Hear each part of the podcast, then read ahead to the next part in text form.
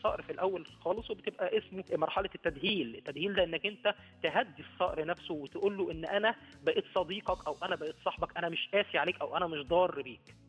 الصقر ذلك الطائر الشامخ. مثل أهل البادية والريف لن تكسب منه شيئا عنوة ولن تصل إلى تعاونه معك ابدا ما لم تفهمه جيدا وتأكدت أنه يفهمك أيضا.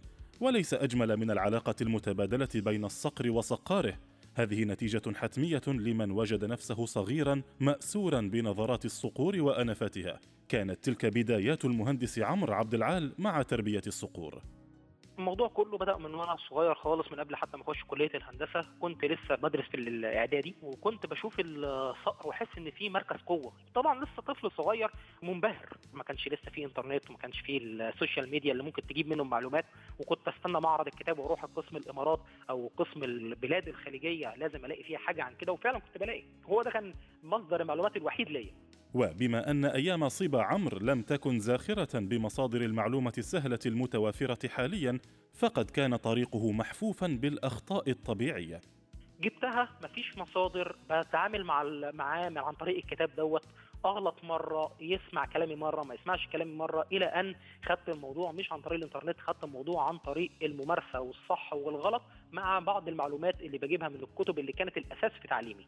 ما كانش حد للأسف أعرفه يعني. ثم الموضوع زاد إلى أن دلوقتي الحمد لله خلاص الخبرة بقت اتدرب صقر في الثاني في الثالث اغلط مع دوت ما يسمعش كلامي يهرب مني ويرجع للبرية. تاني ما لا سمع كلامي وعدت والكلام ده كله. من كان ليصدق أن مهندسا انشائيا سوف يصل إلى هذه المرحلة المتعمقة من هواية ترتبط بالبداوة. بدأت بالقراءة وانتقلت إلى التجربة العملية وانتهت بعلاقة مميزة مع كائنات فريدة. كملخص سريع يعني لتدريب الصقور في الأول خالص وبتبقى اسمه مرحلة التدهيل. التدهيل ده إنك أنت تهدي الصقر نفسه وتقول له إن أنا بقيت صديقك أو أنا بقيت صاحبك أنا مش قاسي عليك أو أنا مش ضار بيك. ثم بعديه بيجي مرحلة الدعوة إنك أنت لما تناديه يجي لك داخل مكان مقفول ثم بتطلع لبره وتفكه تماما تناديه يجي لك بدون أي قيد ما بينك. ده بيبقى أعلى ارتباط ما بينك وبين الصقر بتاعك.